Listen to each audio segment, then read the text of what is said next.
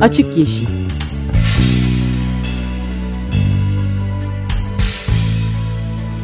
Hayatın, politikanın ve sokağın çevre ekoloji gündemi.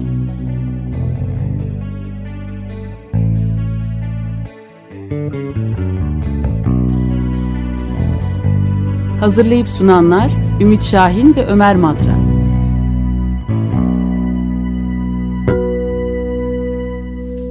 ...94.9 Açık Radyo'da Açık Yeşil başlıyor. Ben Ümit Şahin.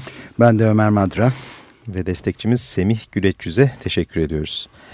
Evet, bugünkü programa bir e, çevre adaleti haberiyle e, başlıyoruz. E, bu haber birkaç gün önce The Guardian'da çıktı. Çevre adaleti, iklim adaleti kavramları da son zamanlarda hareketin içinde e, oldukça fazla telaffuz edilmeye başlayan kavramlar. E, ben de bu haberi gördüğümde işte çevre adaletini böyle uzun teorik açıklamalarla anlatmaya hiç gerek yok. Bu haberi okumak yeter diye e, düşündüm. Çünkü haber şöyle diyor.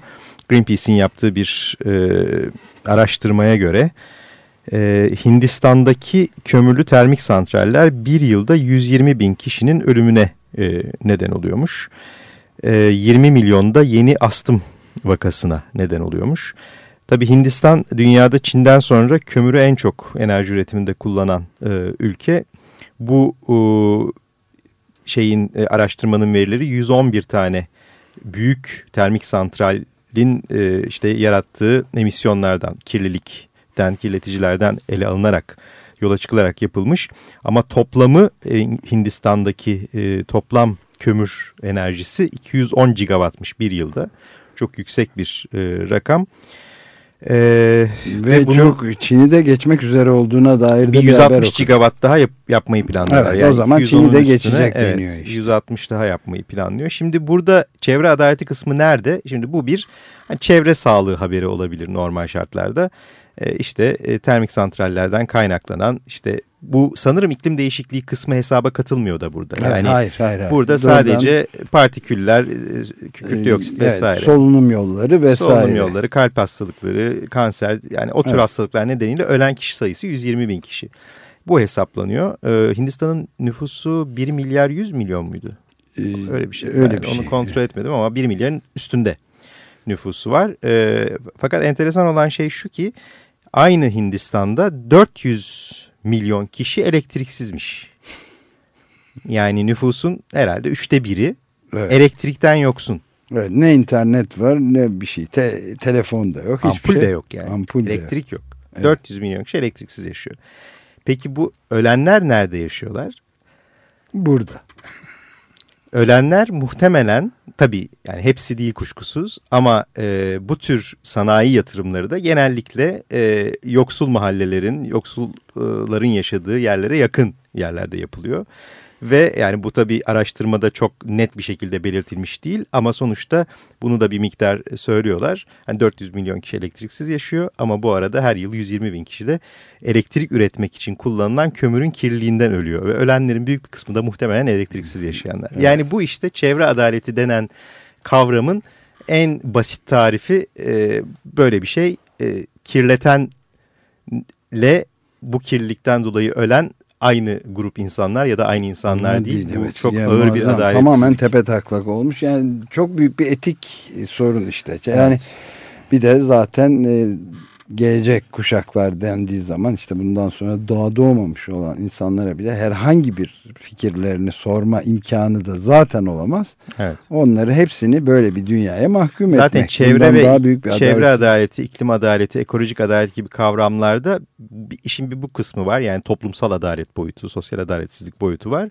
Bir de işte kuşaklar arası adalet boyutu var. Türler arası adalet boyutu var. İnsanın evet. diğer canlılar üzerindeki etkisi... E, bir de tabii küresel adalet boyutu var. Yani işte daha çok iklim değişikliği konusunda daha çok gündeme gelen e, işte Amerika ya da diğer e, endüstrileşmiş ülkelerin yarattığı iklim değişikliğinden Bangladeş'in sular altında kalması meselesi gibi bir küresel adaletsizlik meselesi ada, de var. Ada devletleri gidiyorlar. Ve işte. bu adalet söylemi de aslında e, gerçekten e, çevre hareketinin e, politik söylem olarak da e, sürdürülebilirliğin dışına tış, e, çıkmasını sağlayan çok önemli bir e, bence argüman. Çünkü sürdürülebilirlik sadece hayatta kalma e, anlamına gelmeye başlıyor bir noktadan sonra. O biraz hani kıyametçilik eleştiriler ama burada çok ciddi bir adalet e, talebi de olduğunu dillendirmek önemli. Bu böyle bir şey. Evet e, bir şu sıralarda okuduğum bir mülakat var. Naomi Klein'in Simpson, Leanne Simpson diye bir yerli Kanadalı yerli kadınla yaptığı dansçı, hikayeci e, her şeyi birden yapan çok marifetli bir hanım. Ee, onun şöyle bir sürdürülebilirlik dedin de oradan aklıma geldi. Bu atalarla çok temas ediyor işte ihtiyarlarıyla kabilelerin filan tabii artık temel değerleri şey yapmak için ve sordum diyor kabilenin ihtiyarına bu sürdürülebilirlik kavramı nasıl geçiyor bizim e, yerlilerde yedi kuşak boyunca işte nasıl sürdürülebilir bir gezegen filan diyor ki başladı düşünmeye diyor. Düşündü düşündü düşündü yok böyle bir kavram bizim dilimizde demiş. Hı hı. O dilde o Kızılderili topluluklarında sürdürülebilirlik buna tekabül edecek. Çünkü sürdürülemezlik diye bir şey yok, ihtimal evet, olmadığı için. Olmadığı bunun... için ve ben de diyor çok aslında aktif bayağı mücadeleci bir kadın ama ben de şaşırdım. Bu cevabı beklemiyordum diyor. Bu arada tam bununla bağlantılı e, bir haber.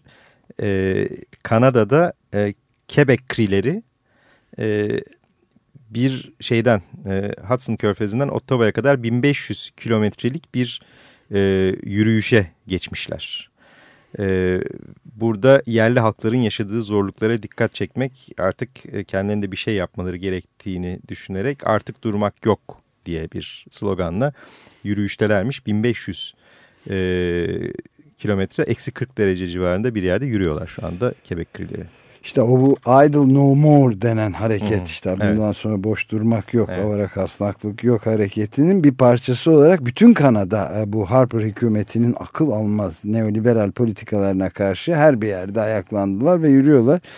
Sık sık o haberleri görme fırsatımız e, olacağını sanıyorum. Bu sıralarda çok gündemde bu yerlilerin e, temel değerlerine dönüş meselesi. Belki daha sonra onları da tekrar ele alma fırsatı bulabiliriz.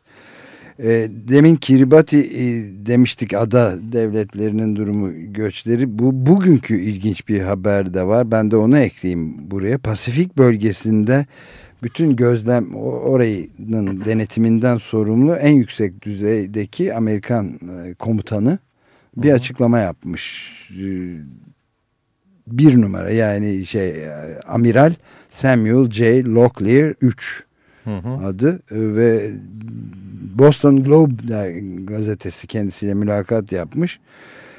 Ee, yani Pasifik bölgesindeki güvenlik üzerineymiş konu tabi adamın başlıca şeyi o donanma e, gemileri ve işte füzeleri filanla e, Kuzey Kore'yi e, nasıl durduracağız meselesi işte atom savaşı çıkar mı atom bombası? Japonya ile Çin arasında Çin denizindeki ya da Japon denizindeki çatışmalar filan ne yapar bu bölgeyi derken e, boş verin yani boş verin dememiş ama yani çok daha önemli bir şey var küresel iklim değişikliği demiş güvenlik açısından amiral.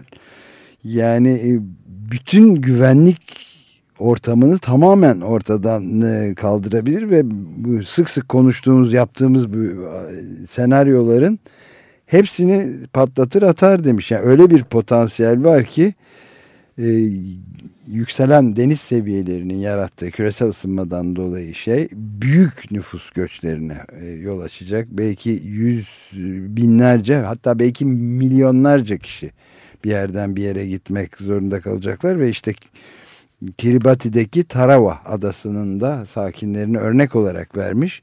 Yani bütün nüfusun başka bir ülkeye taşınması üzerinde görüşmeler halindeler. Çünkü yok yani tuzlanma ve artık deniz yaşanan bir halde değiller. Artık mevcut olmayacak harita üzerine. O zaman da Amerika Birleşik Devletleri askeri kuvvetleri de e, diğer bunun ne implikasyonları sonuçları ne olur diye bölge güçleriyle görüşme haline girdik diyor. Yani Kiribati ile kalsa iyi diyor Tarawa, Tarawa adasıyla. Bütün adalar öyle olacak. Yani eğer kötü senaryo gerçekleşirse bir şey yapılmazsa demiş amiral e, binlerce, yüz binlerce hatta milyonlarca insan o zaman da güvenlik pat, çöker demiş. Yani, yani iklim mültecileri meselesini aslında. Evet söylüyor ve tabii çok sorumlu bir kendi açısından bir numaralı sorun o tabii güvenliği sağlamak istikrar ve güvenlik içinde.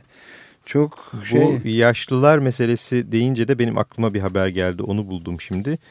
Ee, 350 Orgun kampanyasına katılan bir grup e, ihtiyar delikanlı haberi Huzur evi ihtiyar, mi? E, evet, ihtiyar delikanlılar iklim değişikliğini durdurmaya kararlı Yeşil Gazete'de Alper Akkuş'un haberi bu.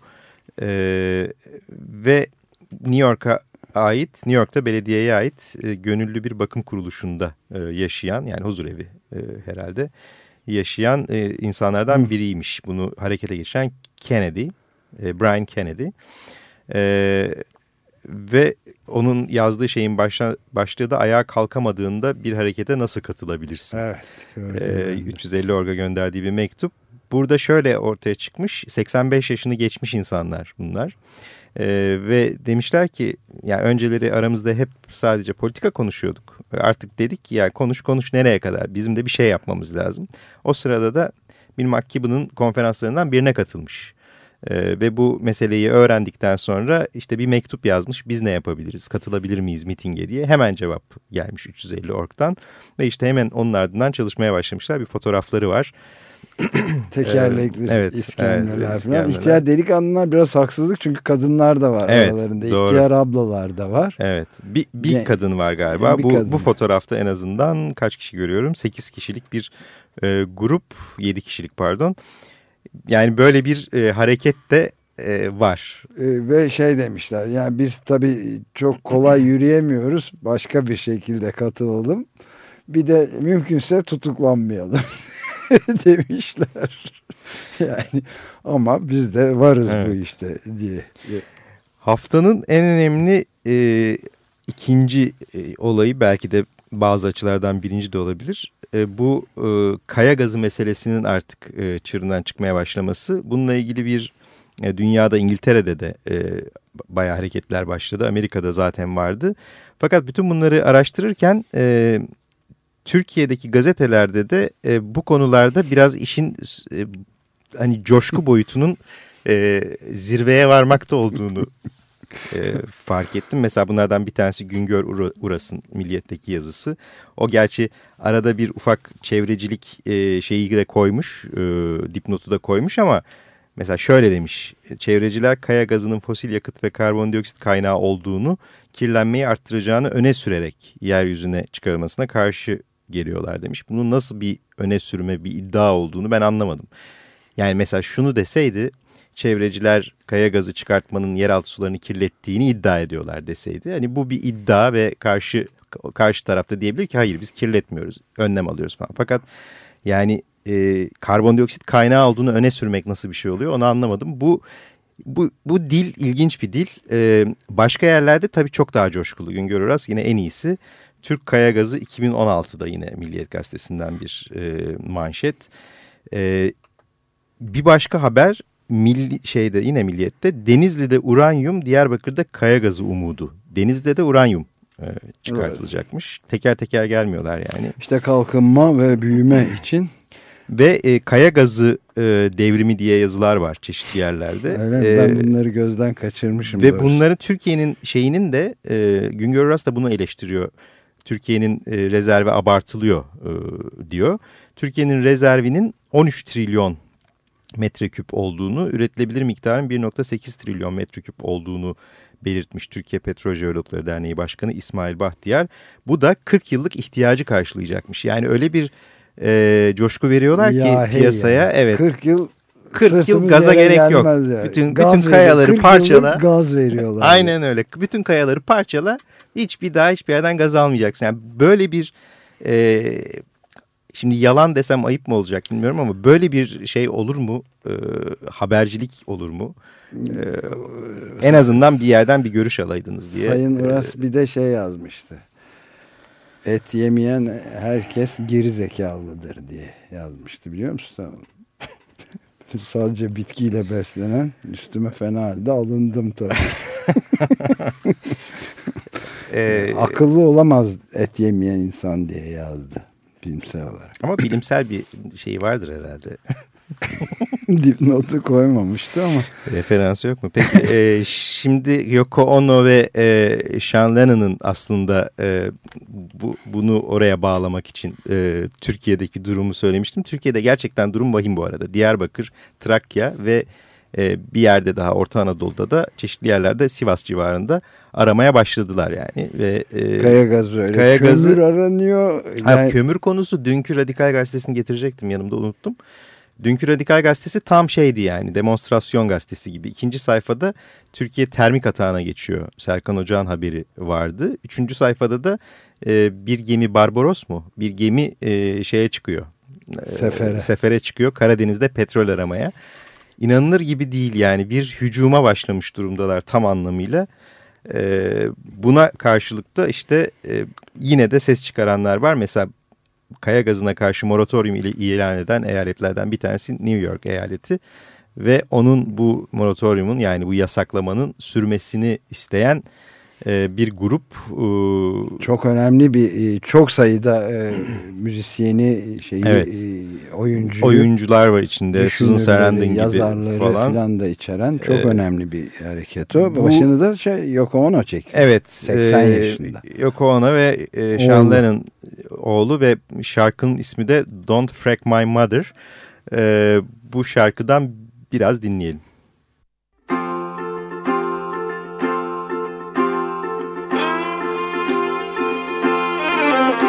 Now gather round people, listen to my song. About something most of you'd agree is just wrong. There ain't no place left on this earth to discover. So please don't frack my mother Don't frack my mother, cause I ain't got no other. Don't frack my mother. You can do anything that you wanna do, but don't frack my mother. Don't frack me. Don't frack me. Now hold up, kid. Listen if you will.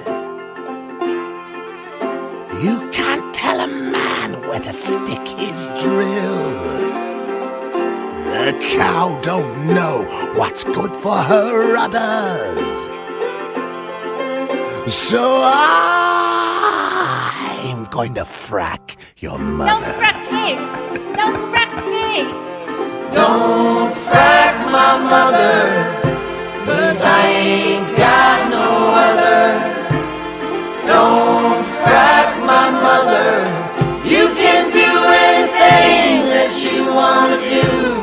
Don't frack my mother. Don't frack me! Don't frack me! Now we can't afford for this world to get hotter. And we can't afford polynuclear aromatic hydrocarbons in our water teratogens, carcinogens, enough to make you shudder. Evet, Sean Lennon, e, John Lennon'ın e, oğlu ve Yoko Ono, annesi. E, Don't Frack My Mother diyerek New York'ta e, fracking'e yani e, işte kayaların parçalanarak doğalgaz çıkartılmasına karşı yaptıkları kampanyanın şarkısı. Evet Şu bir de manifesto, manifestoda yayınladılar. Çok önemli bir hareket götürüyorlar ve Mario Cuomo'yu da bayağı zorladılar yani New York valisini. Evet. Ya o, o uzatılmış zaten yani. Evet, İki yıl uzatıldı. Sürekli hmm. uzatılıyor. Tabii günün en önemli haberlerinden birini de e, çağın en önemli haberlerinden birini de 8 geçen cuma John Vidal yazdı Guardian gazetesinde. Onu da söylemeliyiz. Ee, yani bizim bu küresel ısınma ve iklim krizi kitabını yazdığımız sırada yani yayınladığımız sırada çok üzerinde durduğumuz bir konuyu içeriyor. Ee, Agora kitaplığından çıkan 2007 idi. Ee, şimdi orada bu dünyanın en şey laboratuvarı, gözlem evi Hawaii'de her yere en uzak yerde her türlü iklim etkisinden, kirlenme etkisinden şey olarak e, ari olarak yapılan bir araştırmada karbondioksit başta gelen kar- sera gazı olan karbondioksit atmosferde ne kadar yükseliyor filan diye yapılan bir şey. Bizim kitapta da bu en önemli e, ikinci bölümün başlığıydı. Dünyanın en önemli eğrisi başlığıyla Charles Keeling denen bir e, önemli bilim adamının Charles David Keeling'in meşhur eğrisi işte Hawaii'nin Mauna Loa tepesinde. 1900 ta 58'den başlayarak yaptığı karbondioksit ölçümlerini çiziyor ve atmosferde karbondioksit yoğunluğunun düzenli bir hız, hızda arttığını gösteren ünlü şey. Hatta bir e, yakınımız da bunu görünce dünya bu eğride ne var? Bu çocuk çizimi gibi bir şey demişti. Gerçekten de öyle. Ama şöyle 1958'deki ilk ölçümde 315 parça çıkmış milyonda parçacık sayısı o ppm olarak Oysa bizim bu kitapta konuştuğumuz sırada 2006'ydı galiba konuşurken. yani 2006'da konuşurken 384 ppm'e çıkmış. Şimdi yeni çok önemli bir e, yeni rapor yayınlandı ve aynı yerdeki gözlemle 395'e çıkmış Hı, altı oldu yılda. parçacık. 5-6 yılda 10 ppm artış. Aslında 5 yılda olması lazım çünkü bizim verdiğimiz rakam e, kaçtı bilmiyorum ama bu da 2012 rakamı tabii. 5 yılda 10 ppm artış var Evet, yani. 10 ppm artış var ve bir de daha kötü olan mesela 2002 ve 2003'te artış miktarı e, yani ilk Charles David Keeling ilk başladığında 1.3 parçacık artıyormuş. 1958'de Evet. yılda 1.10'da 3 artarken şimdi son durum 2.10'da 67. Yani Evet. tam iki katına çıkmış 1958'den bu yana. 50 yıl içinde artış hızı da müthiş hızlanıyor. Çok endişe verici bir şey. Yani e, zaten öyle karşılamışlar ve böylece artık bütün dünya ülkelerinin de üzerinde anlaşmaya vardı. 2 derecelik bir sıcaklığın altında tutma hayali de hemen hemen ortadan kalkmak üzere. İşte birkaç Umudu sene sonra 400 olacak. Çünkü ilk bu e, Avrupa Birliği'nin falan kabul ettiği e, şeylerde olasılık hesaplarında 400'e çıkarsa 2 derecenin altında kalma olasılığı %60 deniyordu. Evet. Yok pardon. Yok. 2 dereceyi geçme Ge- olasılığı geçme %60. olasılığı, Demek evet. ki yani sadece %40 ihtimalle 400'de e, kaldığı takdirde e, zaten 400'e geldiğinde 400'de kalmayacak yani. Tabii Onu da 400 geçecek. ppm'de kalmayacak. Kalmayacak. Milyonda parçacık sayısı. Bu şimdi çok bir senelik artış olarak en yüksek ikinciymiş. 2012'deki Şimdi bizimkiler e, Afşin Elbistan'a 5000 megawatt, Kara, Konya Karapınar'a 4000 megawatt daha yaptıklarında ne olacak acaba bu şey? Çünkü gerçekten e, e, bir yerde okudum şimdi kaynak veremeyeceğim ama e, şey demiş bu şeyi savunan e, Serkan Hoca'nın haberinde de olabilir. Savunan e, kişi Enerji Bakanlığı e, yetkilisiydi galiba.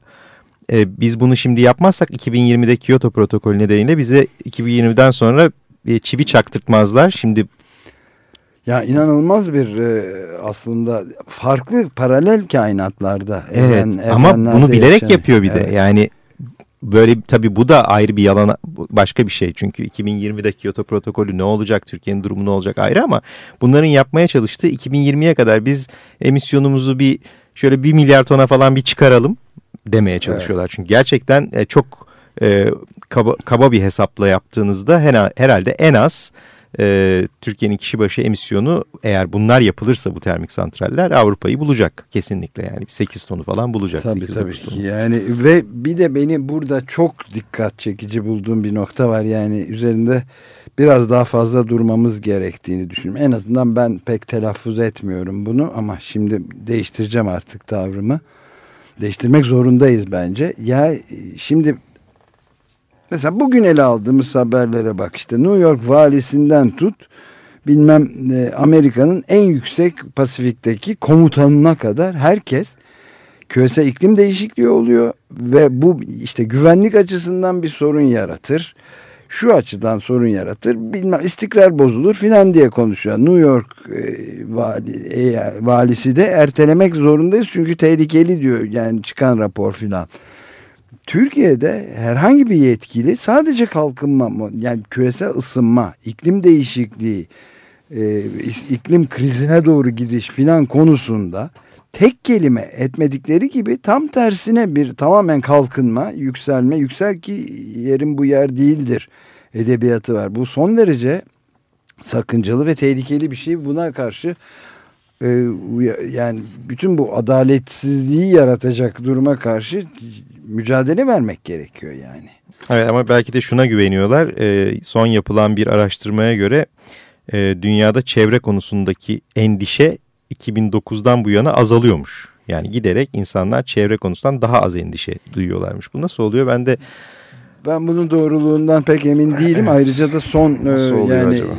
Amerika çapında hem de Gallup gibi en yüksek düzeyde bir eyaletin ne şeyin araştırma şirketinin yaptığı araştırmada özellikle Sandy süper fırtınasından sonra kasırgasından sonra çok yükselmekte olduğunu yüzde altmışı bulduğunu hatta bir şey yapılmazsa çok kötü olacak dediğini iklim değişikliği konusunda biliyoruz. Onun için bu haber bu son bundan sonra geldi bu senin bahsettiğin haber o kadar doğru olduğunu zannetmiyorum. Bu arada e, bu karbon bombaları bitmiyor. E, Japonya'da e, dünyanın ilk e, metanhidrattan doğalgaz elde eden ülkesi olmaya çalışıyormuş. Ne demek bu? Metanhidrat deniz tabanındaki donmuş metan e, kristalleri daha doğrusu buz evet, şeklinde metan. aslında feci bir e, şey. Bu şöyleymiş bu metan hidratlar e, normalde buz gibi görünüyor elinize aldığınız zaman oradan çıkarttığınız deniz dibinden çıkarttığınız zaman ama alev yani bir ateşe tuttuğunuz ya da ısıttığınız zaman mum gibi yanmaya başlıyor. Evet. Bu işte metan içeriğinden dolayı e, şimdi bunları çıkartıp bir de bunları yani şeyden sonra kaya gazından sonra bir de e, deniz gazı e, çıkmak üzere. Evet, deniz dibi gazı. Yağı. Sineğin yağını çıkartıyorlar tam anlamıyla ama tabii Burada e, Japonya'nın yaşadığı büyük nükleer felaketin de payı var muhtemelen. Yani nereye saldıracaklarını hmm, şaşırdılar. şaşırdılar. Kömür de yok çünkü Japonya'da. Hani kömür kaynakları olsa kömüre saldıracaklar. Kömür de yok, doğalgaz da yok. Şimdi nereden ne çıkartacaklarını arıyorlar. E, Fukushima'nın e, önceki gün, pazartesi günü ikinci yıl dönümüydü. Dünyanın en büyük nükleer felaketlerinden bir tanesi olan Fukushima nükleer santral kazasının Greenpeace'in bununla ilgili yayınladığı bir e, rakam çok çarpıcı. Fukushima'nın 2 yıllık maliyetinin 250 milyon evet. pardon ne milyonu milyar, milyar dolar, dolar olduğunu evet. açıkladılar. E, bu da yani kendi verdikleri bir rakam değil tabii. Yani bayağı e, Japonya'daki bir kuruluşun yaptığı sağlam bir araştırma. 250 milyar dolar. Diyorlar ki e, bunu şey tarafından ödenen yani pardon Fukushima'nın bedeli 250 milyar dolar. Toshiba, Hitachi tarafından ve General Electric tarafından ya da işte te, e, TEPCO tarafından yani nükleerci şirketler tarafından ödenen sıfır dolar. Peki bu 250 milyar dolarla ne yapılabilirdi? 250 milyar dolarla Japonya'nın 54 tane nükleer reaktörünün tamamı tarafından karşılanan elektriği üretecek kadar rüzgar ve güneş santrali yapılabilirmiş. Ama yapılmadı. 292 terawatt saat yıllık yeşil enerji e, üretimi mümkündür diyor ve Fukushima'da e, şey Tokyo'da galiba e, yapılan büyük protestoda e, pazar günü e, şey de konuştu Nobel ödüllü. Kenzaburo e, Oe. Oe evet, evet o da o konuşmacıydı. Bu da bence çok önemli. Binler, evet. On binlerce kişi katılmış çünkü bu protestoya. E, Japonya'nın nükleere dönmesi biraz e, zor görünüyor bütün bunlardan sonra diye yorumlayabiliriz. 160 bin kişi e, boşaltılmış. Evet. 160, 160 bin kişinin şu anda bir ve bunların ve bir kısmı şu anda e, dava açtılar. Hem TEPCO'ya şirkete hem de Japon hükümetine dava açtılar. Yani oradaki ihmallerinden bir daha dön, dolayı. Dön, dönüp dönemeyeceklerini de kimse bilmiyor. Evet. Bitirirken kısacık da bir şey çalalım. Ee, bu, evet bu e, şeyin Keystone, Keystone eylem. Bu da başka bir çılgınlık. Evet. Ee, bitumen petrolleri çok güzel bir tabut taşıyarak geleceğimizdir bu. Bu ölü geleceğimizdir ve Keystone boru hattı da bizim mezarımızın kazılmasıdır diye bir şarkı yaratmışlardı. Biraz ona kulak vererek Ondan bitirebiliriz. sonra bitirelim. Hoşçakalın. Hoşçakalın.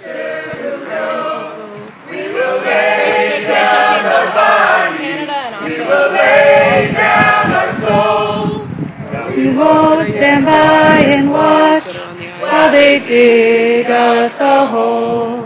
They are digging us a hole. They are digging us a hole.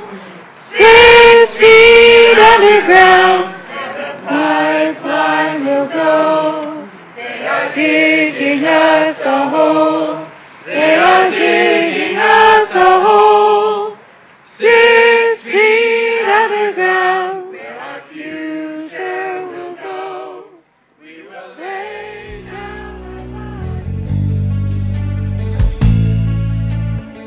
Açık Yeşil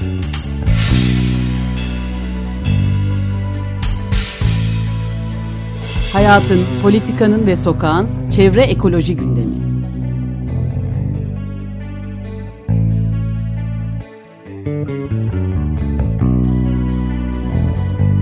Hazırlayıp sunanlar Ümit Şahin ve Ömer Madra.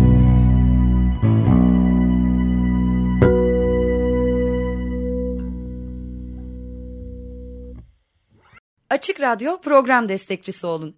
Bir veya daha fazla programa destek olmak için 212 alan koduyla 343 41 41